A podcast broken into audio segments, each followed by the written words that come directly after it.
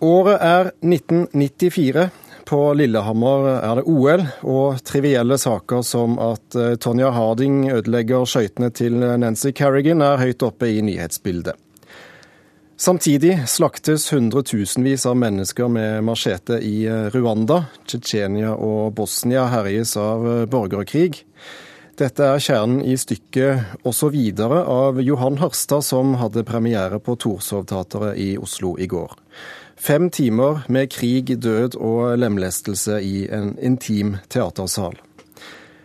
Rolf Christian Larsen, eh, du spiller krigsfotograf og sønn av en Vietnam-veteran i dette stykket. Det må være ganske intens, en ganske intens opplevelse for både dere som skuespillere og publikum, dette?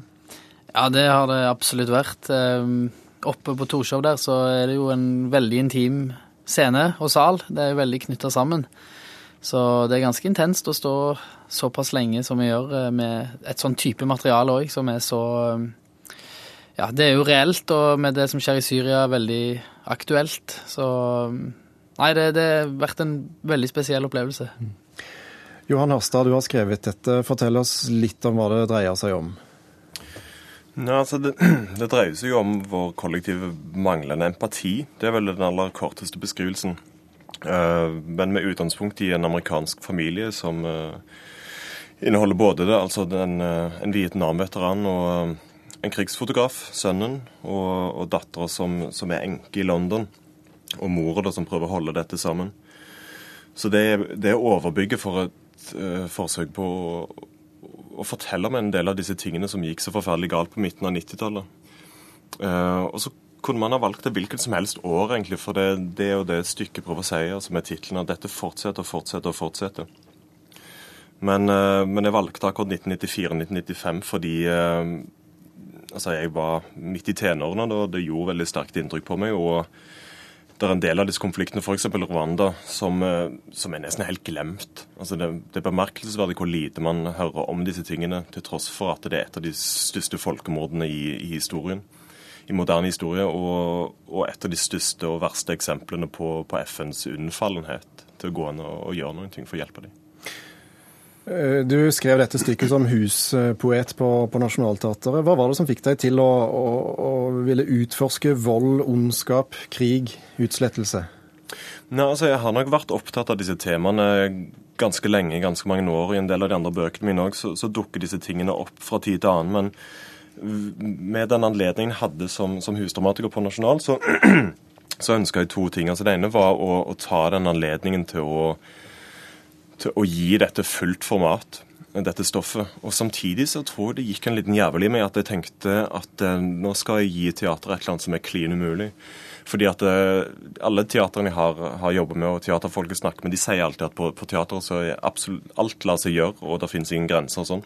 Så da tenkte jeg OK, la oss, uh, la oss teste ut dette her. Men de besto prøven. Det, det, går. Ja. Mm. Eh, Rolf Kristian Larsen, eh, hvordan har det vært å forberede seg til, til uh, all denne ondskapen?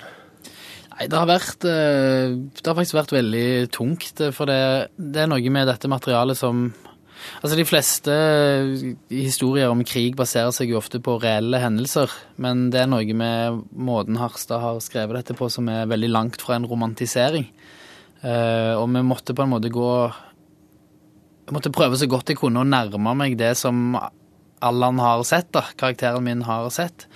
Um, og det har medført uh, litt sånne våkne netter hvor jeg har kanskje litt for seint på kvelden uh, sett uh, ting på YouTube og prøvd å skape disse her indre bildene som Så jeg har sett mye kjipe ting og lest om veldig mange kjipe ting de siste månedene, og det, det påvirker en jo selvfølgelig.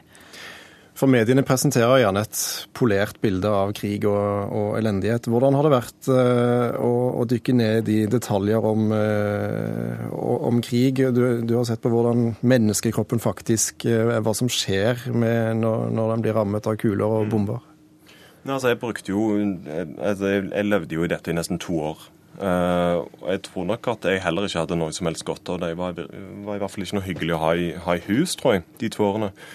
Men så, så det er viktig å se, altså det tror jeg både meg og Rolf Kristian er enige om, at um, altså ting er, er vårt, altså våre våkenetter og, og, den skaden vi tar av det og sånt, men, men det, det, gir i hvert fall et slags mikroskopisk innblikk i hvordan det må være for de folkene som faktisk levde i dette, som faktisk ikke har mulighet til å, til å ta et skritt ut fra det eller, eller, eller for, forsvinne fra, fra, den virkeligheten.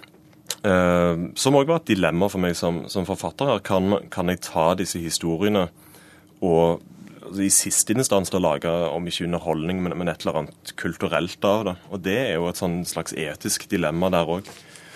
Uh, men min, min, løsning ble at uh, at jeg i hvert fall syns at man skylder disse menneskene som har mista livet, og at man vet om det.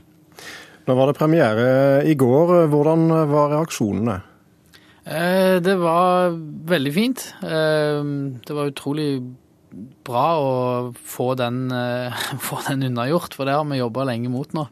Så det var folk eh, Det går veldig inn på folk, da. Det er det som er liksom spesielt. Det har med, med formatet og lengden det varer på.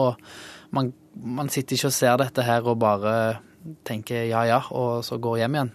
Det, det varer nok, tror jeg. Stykket varer i fem timer, det er to pauser og det blir servert eh, henholdsvis lapskaus og muffins. Men har egentlig publikum matlyst? Eh, det vet jeg faktisk ikke. Jeg har ikke fulgt med hvor mye av den gryta som har gått, men eh, ja.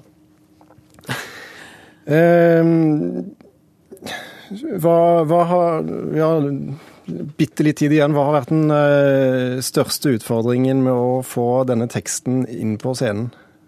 Altså for, for, min del så var den aller største utfordringen den telefonen fra Nasjonal eh, som sa at de uh, Vi har kutta litt. Fra ni til fem timer? ja.